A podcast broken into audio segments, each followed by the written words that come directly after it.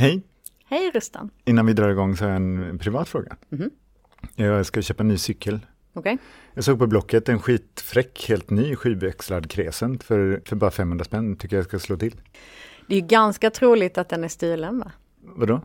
Ja men om den är så pass billig, varför skulle någon sälja en eh, så pass bra? Är det mitt ansvar?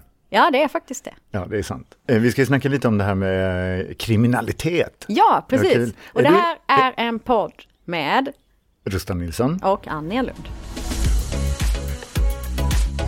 Avfallet är en podd som produceras av miljöföretaget Sysav. En lite smånördig miljöpodd för dig som gillar sopor. Eller ja, hur sopor hänger ihop med konsumtion, miljö och klimat och så. Avfallet. En riktigt sopig podd helt enkelt. Men ifall du skulle ranka dig själv som kriminell från skala 0 till 10, hur kriminell är du, Annie Lund? Ehm, då får jag sätta en etta på mig själv. Jaha, vad är det du gör som är lite småskurkigt då? Ibland så cyklar jag mot rött när det inte finns eh, några bilar i närheten. Och det är ju faktiskt olagligt. Ja, Har jag fått lära mig. ja det, var, det var en svag etta till och med. Ja, men jag är jättelite kriminell faktiskt. Mm. Eh, Den eh, mest kriminella eh, grejen jag har gjort, det är väl att ha använt ganska mycket falsklägg när jag var så här 16-17.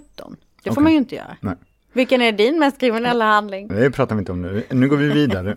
Ja. Jo, men vi kan vi leka en lek förresten. En, eh, en synonymlek. Okej, Ifall jag säger kriminell, då ska du säga en synonym till det. Ska vi se hur många du kan kla- klämma fram med. Kriminell. bov. Ja, något mer? Jaha, okej.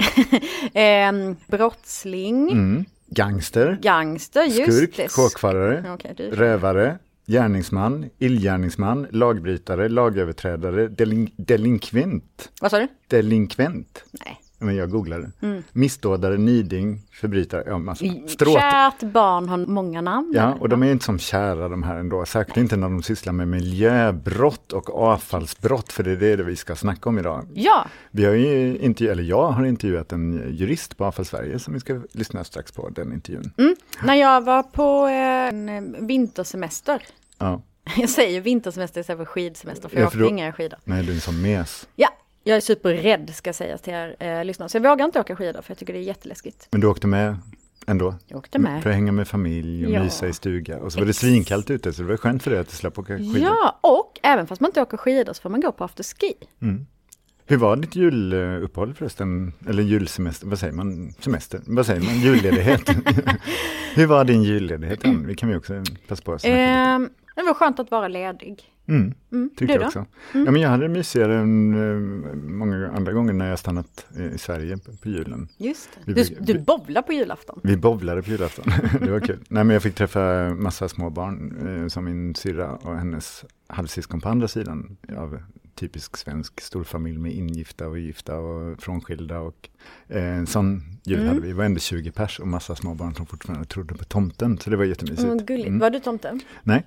Mm. Har du eh, något eh, nyårslöfte då? Nej, och det har du. Ja, Outa det nu då så att då blir det lättare att du håller exakt. Jag tänkte vara pescetarian Mm. detta året. Och sen har jag också, vilket jag sagt redan har glömt, men jag ska prata mer med magstödet i podden. För jag tycker att jag har så hög pitch Då får jag sänka mikrofonen. Nej, nej. Ner Jag till ska... mag, magstödet. Jaha, För du ska prata med det. Okej, Okej. ska vi köra igång? Du har haft en Du intervju. vet vad, jag ska bara säga så här innan vi kommer in på intervjun. Jag kom faktiskt, nu bara slog mig att, eh, att du är ju faktiskt ganska kriminell.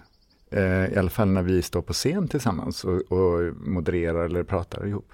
För då skäl ju du alltid rampljuset. Mm. Tack. Okej, Okej. nu kör vi igång. Ja. Så här är det. Eh, Varför ska vi snacka om kriminalitet Mm. just nu? Eh, Jo, det har vi faktiskt velat göra ganska länge, men nu är det väldigt aktuellt. Nu har det ju inletts den här rättegången mot eh, i det så kallade Think Pink-fallet. Ja. Kan inte du bara summera upp eller bara berätta för de som kanske inte känner till, vad är Think Pink-fallet för någonting? Vad är Think Jo. Pink? Det finns till och med en Wikipedia-sida på detta. Det står inte supermycket, det står mycket mer om grundaren till Think Pink. Men jag har lite, lite om henne också. Den här skandalen är ett brottsfall där ägarna till bolaget som egentligen heter NMT Think Pink sedan 2020 är misstänkta för grovt miljöbrott. Företaget och dess ägare då, Bella Nilsson som hon heter, misstänks ha ägnat sig åt systematisk dumpning av avfall och flyttat det mellan olika platser i olika kommuner. Istället för att återvinna det. ta hand om det på, på rätt sätt. Och den här Bella Nilsson är en intressant person.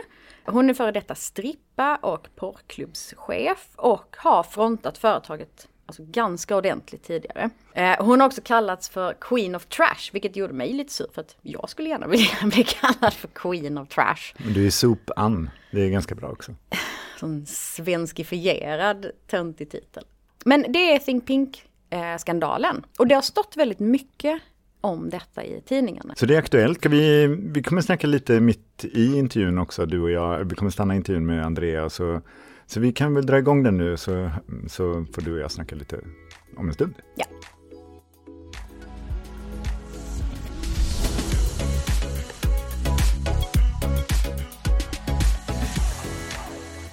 Här sitter jag med dig Andrea Järne som är senior miljöjurist på Avfall Sverige. Hej! Hej! Vad kul att få komma hit. Ja, kul. Det är en kall dag ute, jag cyklade hit. Berätta lite kort, vad gör du på Avfall Sverige som jurist? Ja, Avfall Sverige är ju kommunernas branschorganisation för avfallshanteringen. Och eh, alla kommuner i Sverige är med. Och här jobbar jag som eh, miljöjurist. Så eh, med alla möjliga frågor för att stötta kommunerna och jobba med påverkan, utbildningar, juridiska utredningar och annat. Och vi ska ju prata lite om när det inte funkar inom den här svängen, det vill säga när folk bryter mot lagar och förordningar. Det ska vi göra. Ehm, jag vill också tillägga att du inte bara, jobbar inte bara på Sverige, du undervisar ju också för blivande miljöinspektörer på miljövetarprogrammet på Lunds universitet. Eller? Ja, det stämmer. Vi snackar alltså om AFAs brottslighet. Finns det fler namn på den här? Ehm, kärt barn har många namn säger man. Är det det vi brukar säga? AFAs brottslighet? Alltså avfallsbrottslighet och det är ju en del av miljöbrottsligheten så att säga. Alltså eh, verksamheter som på olika sätt eh, bryter mot lagar och därmed orsakar miljöproblem och miljöskada. Kan du ge några exempel på ty typisk avfallsbrottslighet? Ja, nej men eh, några exempel är ju ja, en vanlig nedskräpning, alltså att dumpa eller skräpa ner, det är ju brottsligt i sig. Det är mm. ju ett exempel. Väldigt vanligt tyvärr. Så ifall jag kommer till återvinningscentralen, den är stängd och så blir jag förbannad istället för att liksom ta skylla mig själv för att jag inte kollar upp öppettiderna innan och dumpar det runt hörnan. Ja. Då begår jag ett miljöbrott. Ja, det gör du faktiskt. Mm. Det är nedskräpning och det är straffbart. Finns det lite, lite grövre exempel också? Ja, verkligen. Eh, alltså man kan dela upp det i, i, i, lite olika aspekter. Dels så kan det vara en legal verksamhet som vill ha vinst och upptäcker att det kostar mer och mer att ta hand om sitt avfall. Eh, och då börjar man rucka lite på lagstiftningen och till slut så har det blivit väldigt stort kanske. Eh, så i botten en legal verksamhet och de ligger ju ofta redan under kommunens eller länsstyrelsens tillsyn. Så det finns en tillsynsmyndighet som ska ha koll på dem. Sen så finns det ju verksamheter som från början har ett kriminellt syfte så att säga, som ser en öppning för att tjäna pengar.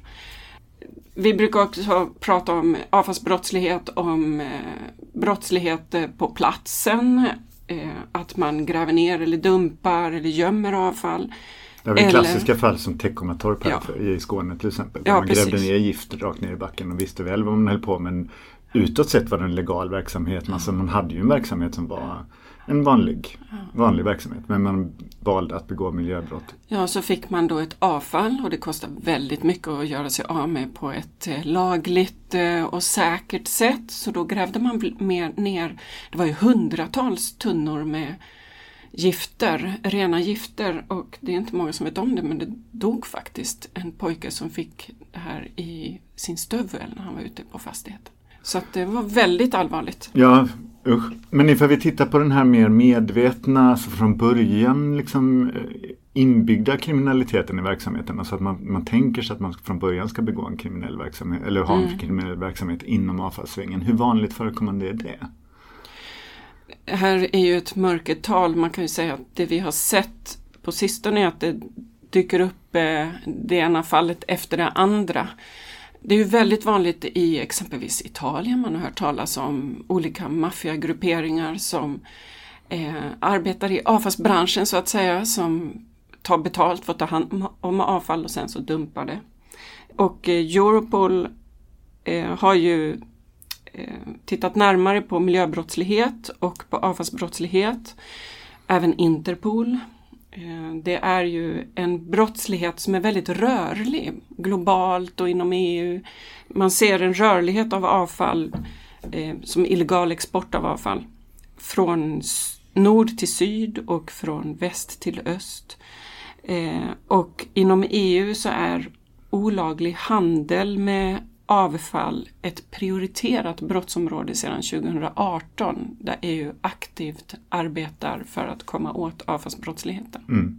Jag såg sådana skrämmande siffror på ifall man tittade på hur mycket avfallsbrottslighet omsatte globalt. Så såg jag en siffra där det likställdes med eh, den totala omsättningen handlar om i nivå med eh, narkotikahandel. Att det här är precis lika stor verksamhet, en av de största kriminella områdena som vi har globalt. Det är det. Men det snackas inte jättemycket om det, även ifall det just nu här i Sverige är lite snack om det i det här Think Pink-fallet som nu ska upp i rätten. Va? Mm. Eh, eller är uppe i rätten. Eh, men annars pratas det väldigt lite om det i förhållande till narkotikapolitik och narkotikahandel och brottslighet. Vad, vad beror det på tror du? Vi det, spekulerar, vet alltså, du, kanske en jurist inte tycker om ja, det. Men... Nej men om man jämför till exempel med plastnedskräpning i haven så är ju detta en miljöpåverkan som egentligen har pågått under lång tid men man börjar prata om det när man drabbas av det själv. Mm. Så att eh, den globala handeln med avfall har i första hand drabbat andra länder och, och drabbat länder utanför Europa. Men det vi ser nu är ju att det börjar drabba oss själva. Och det är då det uppmärksammas. Plus att det kanske inte är så synligt heller därför att man illegalt gräver ner sopor och täcker över det och ligger urlakas och förgiftar grundvatten väldigt, väldigt långsamt under väldigt lång tid. Ja, så precis. är det ingenting som gemene man liksom märker av under sin livstid heller kanske. Nej, vi har ju haft eh, ganska nyligen två andra stora brott, eh, mm. avfallsbrott eh, som då sades vara största miljöbrotten vi har haft i Sverige och det var ganska nyligen.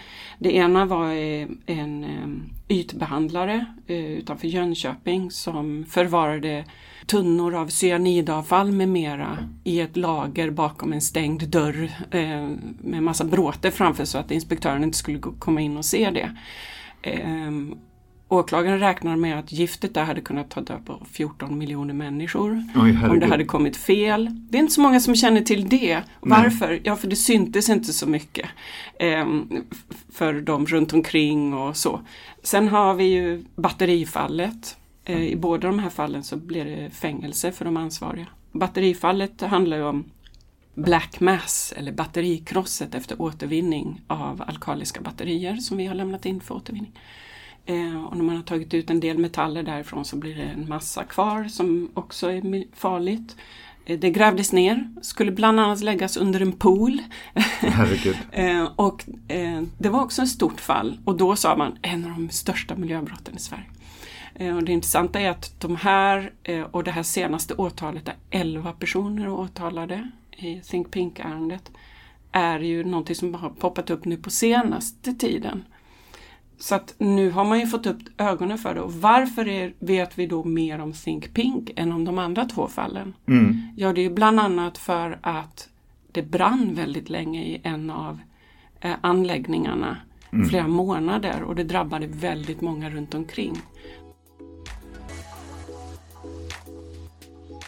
Alltså det här faktum är att, som det nämndes här, att avfallsbrottslighet mm. är en jättegrej. Alltså det är en av de största kriminella områdena i världen. Den mm. omsätter alltså ungefär lika mycket som hela narkotikahandeln. Ja. Ändå snackas det ganska lite om det. Mm. Och det var vi lite inne på varför, men ifall du skulle spekulera då, var, varför snackar vi inte så mycket om miljöbrott? Och det är ju jätteviktigt, det påverkar, vi kan dö och bli sjuka mm. och det är hemska saker, men det är väldigt lite om det. Men det är ganska lite som är en direkt påverkan när det kommer till eh, miljöerna. Som jag förgiftar en sjö så kanske det blir en, en eh, påverkan om 50 år framåt. Att det är lite svårare med tidsspannet helt enkelt. Mm, delvis. Men vi hör ju om sådana här skandaler titt som tätt ändå, men det känns inte som det påverkar samhällsdebatten i förhållande Nej. till massa andra brott som kanske inte ens är lika allvarliga eller stora eller omfattande. Så, var, så varför är det ointressant då? Det är inte ointressant. Men det kanske bara är eh, lite mindre tydligt. Ja. Som Det. Precis, det är nog lite krångligare Mm. och lite svår, och så förstår man inte riktigt vad kan jag göra åt saken. Då. Nej, precis. Eh, vad man kan göra åt saken är väl att ifall du ska riva ut ditt kök hemma och du Mm. vill beställa en container för lite blandat mög som du vill bli av med. Se är det så det heter när man ska Ja, riva se till att det inte är för billigt, precis som jag inte ska köpa den där cykeln för 400 spänn. För Ja. är det för billigt så är det naturligtvis inte Där sant kan och man ju ta sitt Mm. ansvar. Exakt. Sen undrar jag, eh, den där pojken som fick någonting i stöveln Ja, i Teckomatorp. i Teckomatorp, Mm. undrar vad det var? Ja men det var förorenad jordmassor kanske Jo, bara. men så galet att ha fått någonting litet i stöveln och dö av det. Ja, det är hemskt. Ja. Men jag tänker också på det här personliga ansvaret igen, vill jag knyta an till, förutom Mm. att beställa en container från rätt företag och se till att det faktiskt blir återvunnet och att de är legit och inte att det är för billigt. Mm. Tycker du att det borde vara brottsligt, alltså på den nivån att du borde få böter ifall du felsorterar också hemma? Alltså det är ju brottsligt Mm, att men inte men det, finns inget, Men det finns inget föreläggande, du får inget straff för det liksom. Tycker vi att vi borde straffa folk som felsorterar? För det är ju ändå Ja, så här, ja. vi har en klimatkatastrof på gång. Mm. Och en del i klimatpåverkan sker från utsläpp genom att bränna fossilt bränsle, Mm. det vill säga a.k.a. plast, ifall det då hamnar plastavfall i det brännbara avfallet. Mm. Så blir det fossila koldioxidutsläpp och så bidrar vi till det här hemska. Eh, det, det borde väl vara straff på det, eller?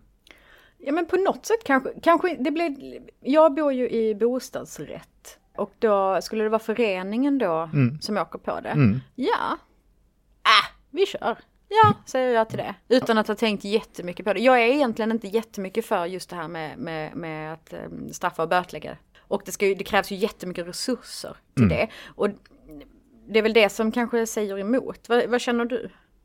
Nej, men jag, jag är... Så osäker, vad känner du? Kan du Ja, berätta? men jag vet faktiskt inte heller, jag tycker det är en svår fråga, därför att det, det är som du säger, det, det funkar sällan, Ja. eh, sådana här grejer. Eh, samtidigt ifall man då liksom får ett ekonomiskt incitament Mm. att faktiskt eh, göra sitt bästa för att se till att folk sorterar, så är det bra, men jag, jag kan för lite helt enkelt ifall det här har en beteendepåverkande effekt och ifall den är positiv. Men eh, ska vi gå vidare med intervjun med Andrea här och Japp. höra lite mer om vad som sades? Ja, jag har funderat lite på den här paradoxen som finns också. Det vill säga att ju bättre vi då som jobbar enligt lagar och förordningar och försöker vara så skötsamma som möjligt. Ju bättre vi gör vårt jobb desto dyrare är det också faktiskt. Ju bättre vi renar rökgaser eller förhindrar utsläpp i olika former desto dyrare blir hanteringen och det gör det ju mer och mer lukrativt för den, den kriminella då att erbjuda ett billigare pris, det vill säga Eh, ta hand om avfall och sen se till att det inte blir så bra behandlat. Hur ska man komma åt det tycker du? Ett sätt att komma åt brottsligheten är ju bland annat att eh, man ställer numera krav på rapportering av varje transport av farligt avfall exempelvis. Och mottagning av avfall, eh, transport av avfall och när man skickar iväg avfall och så. Och den här rapporteringen är ju en ganska stor administrativ börda som kostar mycket pengar. Och det här har gjort, vilket vi har sett i våra verksamheter, att de nya kraven för att få koll på avfallet och spårbarhet för avfallet medför att det blir mycket dyrare att hantera avfallet på ett lagligt sätt och det i sig medför eh, risk för en ökad olaglighet. För då Så ett man... av sätten att försöka motverka eh, att det Ja. ska bli, hem- eller inte gå rätt till Ja, kommer ytterligare spä på kostnaden. ja, Så vi, redan vi som behandlar avfallet på rätt sätt och gör det dyrare där så måste nu vi dessutom tillföra ytterligare kostnader på detta genom att sitta och dokumentera allting. ja, precis. Så, det- vad är lösningen då? Alltså, jag tror ju mycket på Eh, en bättre tillämpning av befintlig lagstiftning och det här är också någonting som jag undervisar specifikt om och där vi från AFA Sveriges sida försöker informera om vilka regler gäller och använd de reglerna och hur ska man använda sig av de reglerna. För att den stora risken med när man försöker komma åt brottslighet genom att sätta dit fler paragrafer och fler krav är att lagstiftningen blir mycket krångligare. Det blir väldigt mycket mer att hålla reda på. Du behöver fler jurister för att förstå lagstiftningen. Eh, och mycket mer administration och rapporteringar. Och då kostar det mer. Och samtidigt, det är ju de som sköter sig som, som jobbar för att se till att uppfylla alla de här nya reglerna. Men en brottslig verksamhet, de duckar ju de reglerna också. Ja, så fler regler utan bättre vi ska bättre använda de vi redan har. Ja. Tillsätts det då tillräckliga med resurser för att utföra sådana här inspektioner och kontroller och, och jobba med detta då tycker du? För att det är väl det frågan handlar väl lite ofta om i ett samhälle. Det handlar om hur mycket Ja. resurser lägger vi på detta? Ja, dels handlar det om mängden resurser men det handlar också om kvaliteten i de resurserna, alltså vilken kompetens har man? Och det vi ser nu i lagstiftningen är att den är ju väldigt krånglig, inte bara för verksamhetsutövare utan också för tillsynsmyndigheter och för inspektörer. Eh, och och eh, den stora sårbarheten vad gäller avfallstillsynen är att den är lokal. Det är ju ofta miljöinspektörer i kommunen som utför tillsynen. Och de har inte bara avfall de ska tillsyna utan det är ett, ett enormt spektrum av lagstiftningar och verksamheter som de ska tillsyna. Det går egentligen inte att kunna allting. Nej. Eh, Dessutom är ju kommuner sårbara på det sättet att en kommun kan ju få lite kämpigt med ekonomin under några antal år. Då ska det vara nedskärningar Ja. och så vidare. Och det här känns ju då återigen, det här är ingenting man läser mycket om. Det är kanske ingenting som ens politikerna känner om hur omfattande, känner till hur omfattande det här är. Och förmår fatta rätt beslut utifrån de perspektiven heller. Nej precis och sen eh, är ju så att en stor del av tillsynen är ju avgiftsfinansierad. Och verksamhetsutövare säger att men jag vill bara betala för den tillsyn jag får. Men illegal verksamhet, eh, ofta betalar de inte ens avgifter. Man, man har svårt att identifiera vem som är skyldig att betala så att det är svårt att få in avgifter för det. Och dessutom så är det ju väldigt tidskrävande. För det kräver att man går in och undersöker eh, de här företagen. Man måste följa pengarna, alltså följa avfallets flöden och då måste man följa bokföringen, man måste se varifrån kommer avfallet, hur har det hanterats och vart har det gått. Och allt det där tar väldigt mycket tid. Dessutom så krävs det ju en del kompetens, inte bara inom miljörätten och naturvetenskapliga frågor hos eh, de här inspektörerna, utan det krävs också företagsekonomisk kompetens. Eh, juridiken är allt svårare. I en av kommunerna som drabbades då av en av Think Pinks anläggningar satte faktiskt ett föreläggande för att försöka stoppa, ja det var kanske fler kommuner som gjorde det men jag känner till en i alla fall. Som, de satte ett föreläggande där de förbjöd verksamheten att ta in mer avfall tills de hade fått koll på om de följde eh, den lagstiftning som fanns. Men det föreläggandet, det beslutet om, som sa då att ni får inte ta in mer avfall, det upphävdes av Länsstyrelsen efter ett överklagande av företaget. Och varför upphävdes det? Ja, för att tillsynsmyndigheten hade inte tillräckligt mycket bevisning för att få stänga verksamheten. Det räckte inte med, att tillsyns, med det tillsynsmyndigheten presenterade.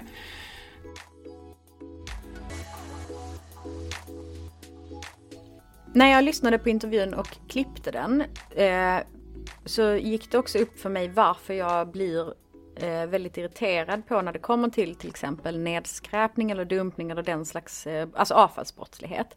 Det är att det krävs så mycket resurser att städa upp detta och resurser som hade kunnat gå till något annat Absolut. i samhället. Det stör mig väldigt mycket för jag vet hur kostsamt det är att, att eh, sanera mark eller att liksom bara att kommunen måste skicka ut någon för att plocka upp efter andra.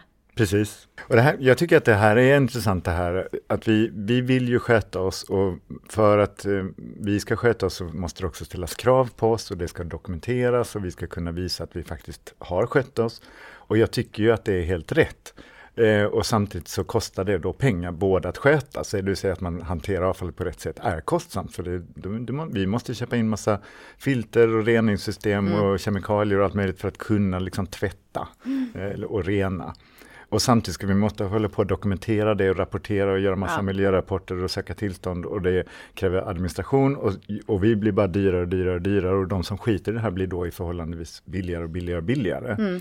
Men det handlar ju också om samhället, var lägger man sina resurser? Ifall vi prioriterar tillsyn snarare än att göra nya lagar under en period, alltså ifall vi verkligen skulle se till att de lagar som redan finns verkligen Följs. Ja. och prioritera det så blir ju det säkert samhällsekonomiskt väldigt smart i slutändan just för det du sa att då, då behöver vi inte heller gå in där och Nej. styra upp i efterhand. när Nej men förebyggande kost- åtgärder. Förebyggande åtgärder. Sen tycker jag att det är intressant som, som vi brukar prata om, när man, om man renoverar sitt kök till exempel och ska göra sig av med det och så kanske man hittar något, något företag som, åh, de lämnar en container och sånt. Så tycker man det är så smidigt att bli av med det. Istället för att själv åka och, och slänga på tippen. Det här med att när vi köper köket har vi inga problem med att hyra släp och göra efterforskning och lägga hur mycket tid och resurser på det att, att köpa det.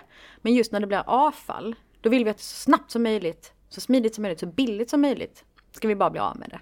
Ja, för det är faktiskt mitt eget svar på den frågan jag ställde till dig förut. Varför tror du inte det snackas mer om det? Mm. Avfall är någonting som folk inte vill bry sig om. Nej, det ligger lite inbyggt i det. Och det tror jag är en sån här gammal instinkt från way back, alltså när vi levde på savannen eller vad man nu levde. Du och jag har aldrig levt på Nej men du förstår mig att det avfall som uppstod, det var ofta sånt som man, alltså rutten mat, mm. sånt som man kunde bli sjuk mm. utav. Därför ligger det tror jag liksom. Men tror du verkligen men, att renovera kök och Ja men vänta, vänta, vänta okay. lite. Det är potens, alltså att jag tror att våra hjärnor kanske kodar att när vi har definierat något som avfall mm. så är det någonting vi ska inte bry, vi vill inte vara i närheten, vi vill inte Nej. ha med det att göra, det ska bort. Mm. Och det gör gör att man har, alltså jag tror att det fortfarande lever kvar lite i oss. För jag, mm. jag har testat det med mina barn vet jag, att när de var små, att de kunde gå och tugga på ett äpple ju. Och sen så hade, när de la ifrån sig det och på köksbordet så skrutet låg där och jag efter ett tag sa, hörru du, där får du gå och slänga i, i soporna, mm. i matavfallet.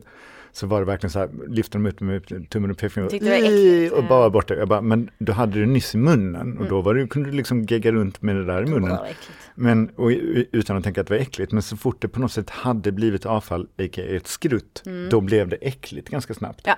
Och det där tror jag faktiskt är kodat i oss. Mm. Nu vill jag gå vidare med sista delen av intervjun ja. med, med, Andrea. Och här kommer vi nämligen ta upp lite, jag ber ju henne spekulera, vilket man är väldigt tuff eh, krav på en jurist som egentligen inte ska hålla på att spekulera så mycket. Mm. Det är viktigt att hålla sig till ordning här, men hon spekulerar ändå lite kring det här med huruvida eh, var intentionen från början i Sten Kvink-fallet att vara kriminell? Eller var det helt enkelt bara eh, att, att det visade sig vara så himla krångligt? Jag ska få höra vad hon svarar på det och sen vill jag att vi ska prata lite om det där eh, sen efteråt. Så har det lite i bakhuvudet mm. det här med, med vilja och intention. Så har vi eh, avslutning med intervjun med Andrea.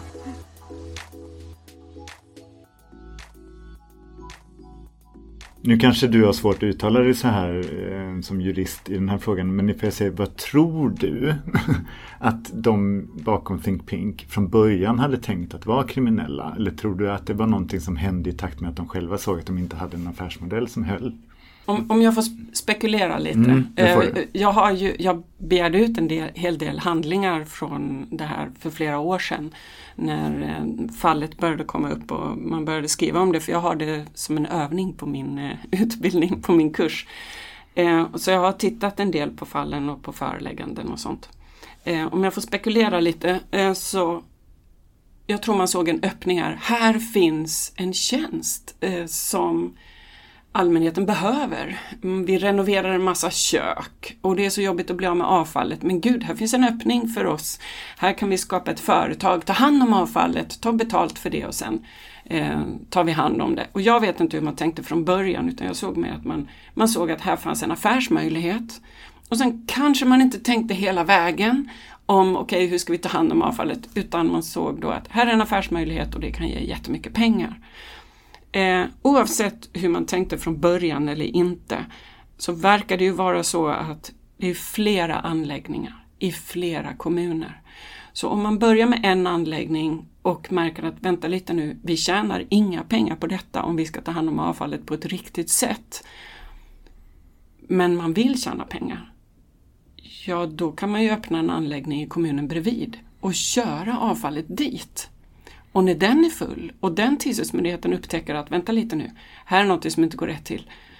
Och så måste man följa ett föreläggande där och får inte ta in mer avfall. Ja men då kan man öppna en anläggning i en tredje kommun. Är det för dålig kommunikation mellan kommuner och myndigheter i de, i de här ja, fallen då? och det har ju också identifierats. Det har man ju sagt i de utredningar från, som Naturvårdsverket med flera myndigheter har tagit fram att Miljöinspektörer och kommuner har stått väldigt ensamma i sina ärenden. De har inte fått stöd nationellt från varken länsstyrelse eller från Naturvårdsverket.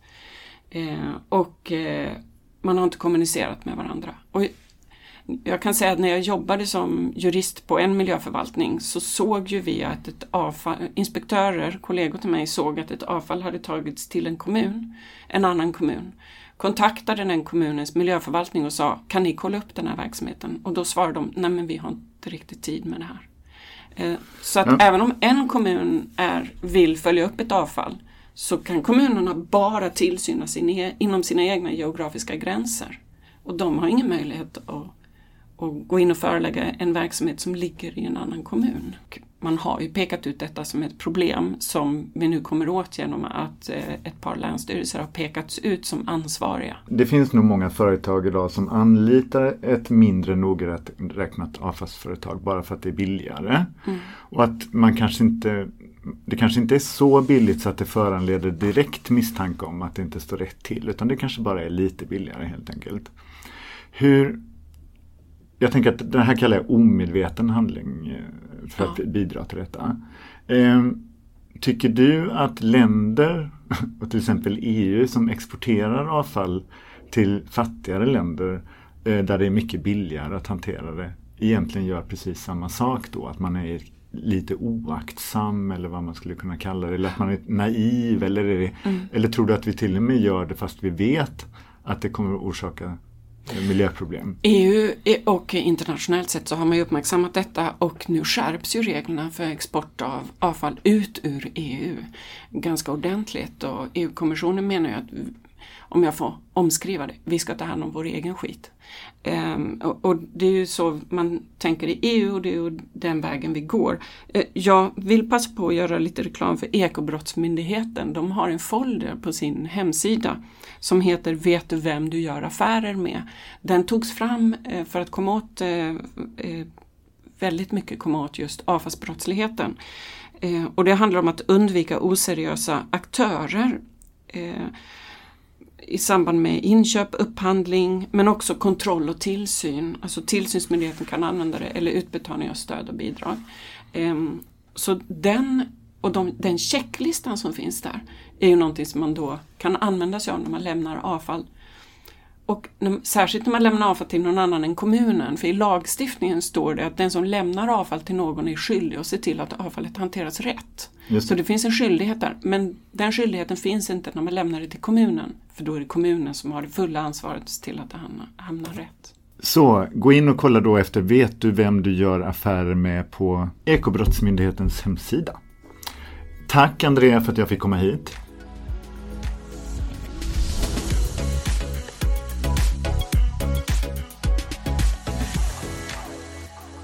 Vad tror du nu då? Tror du att Think Pink från början eh, liksom tänkte att vi ska vara skurkar? Eller var det verkligen, var det kanske så som Andrea spekulerade? Att, att de bara, hoppsan, det var ju skitmäckigt, vi trodde bara att det skulle vara lätt att känna lite Nej, pistoler. alltså jag tror faktiskt inte intentionen var att vara skurkar från början. För att eh, också när jag lyssnat på det här och googlat runt och läst och så här. Det är jättemycket jobb också för dem. Och jag tror inte att de tänkte att det skulle vara så himla mycket jobb med avfall. Det är väl bara sopor, det är väl lätt och man blir bara av med det. Och det kan jag åter... Alltså att man hade kanske en idé om att det var mycket enklare och billigare också att ha ett avfallsbolag. Eftersom det blir en sån här stor skandal så tror jag verkligen inte men jag kanske är naiv som tänker att, att nej, de var inte skurkar från början. Jag är nog lite inne på samma bana, men jag har inte varit så noggrant studerande till det här fallet mer än att jag, jag läste tidningar och branschtidningar och sånt också. Mm. Nu vill jag prata om det som jag eh, hintade om innan. Det här med egna ansvaret. Mm. Eh, Tycker du att det här är liksom, är vi, är vi bra på det överlag, att liksom titta på rimligheten i saker och ting? Borde, borde du, tycker du att det personliga ansvaret borde vara större, att man alltid tänker, men ifall det här är billigt eller ifall det här, det, här var, det här var väldigt lätt att bli av med, ifall vi pratar avfall, borde man vara lite mer nyfiken tycker du? Ja, det tycker jag. Men jag tycker framförallt när vi köper grejer. Mm. Eh, alltså även om det skulle vara på Blocket eller om det är i en butik. Mm. Om någonting är, ja men om en, om en t-shirt kostar 79 spänn. Mm. Det är någon som inte får betalt för det första. Eh, och miljö och klimat drabbas. Där är ju du mitt dåliga samvete. För att Ja. jag vet att jag var jätteglad, för jag hatar att köpa kläder. Eh, och jag, har köpt, jag har haft ett köpstopp på ett helt år på kläder. Ja, du. Mm. Det, det, och det blev mer än ett år till och Ja, med. ja. Eh, men så, köp, så var jag på mellandagsrean med Mm, mina barn. jag råkar ju stöta på dig Ja, i din precis. familj då. Ja, och så visade jag, kolla vilka brallor jag hittade för bara 100 spänn och då sa du, åh, där fick någon bra betalt i produktionen. Mm, precis. Under jättebra miljöförhållanden Ja. säkert i fabriken. Jättebra färgat. Ah, och tack, det kändes jätteskönt att höra när jag precis tänkte, gud vad skönt, när jag äntligen får hitta ett par brallor som jag kan ha. Men- uteslutande. Men det är också, som konsument, både när det kommer till att köpa och till att bli av med. Det är så skönt när man lägger ansvaret någon annanstans. För det är ju det man mm. gör. Om jag bara lägger, helt plötsligt har jag eh, gjort mig av med någonting, det är hos ett företag, då är det de som ansvarar för det. Att man, man ger bort sitt ansvar. Också när man, när man köper någonting så tänker man, men det är ju ändå ett företag i Sverige. Alltså, man lägger ansvaret på någon annan. Ja. ja, men du, ehm, är vi nöjda med det här avsnittet? Ja. ja. Jag tycker det är spännande. Jag vill avslutningsvis skicka med till dig som lyssnar bara en liten grej. Är du politiker på EU-nivå så heja heja nu, se till att vi inte exporterar avfall till länder som faktiskt inte har rätt möjligheter tekniskt eller miljölagsmässigt att ta hand om det på rätt sätt. Bidra inte till en, en oseriös hantering av något så fantastiskt viktigt som avfall som faktiskt kan påverka miljö och klimat på hemska sätt ifall den behandlas fel. Är du företagare, se till att den tjänst du köper för ditt avfall är utav en, en bra partner som ser till att bidra till med bättre miljö och klimat för oss alla och framtiden. Och är du privatperson, sortera dina sopor annars kommer vi ge dig böter snart. Du och jag. ja. Och förutom vill jag också säga då, tack för att du lyssnar på denna podd. Vi hörs snart igen. Det gör vi. Det här var en podd producerad av miljöföretaget Sysav. Glöm inte att följa oss på sociala medier. Där heter vi Sysav. Avfallet. En riktigt sopig podd helt enkelt.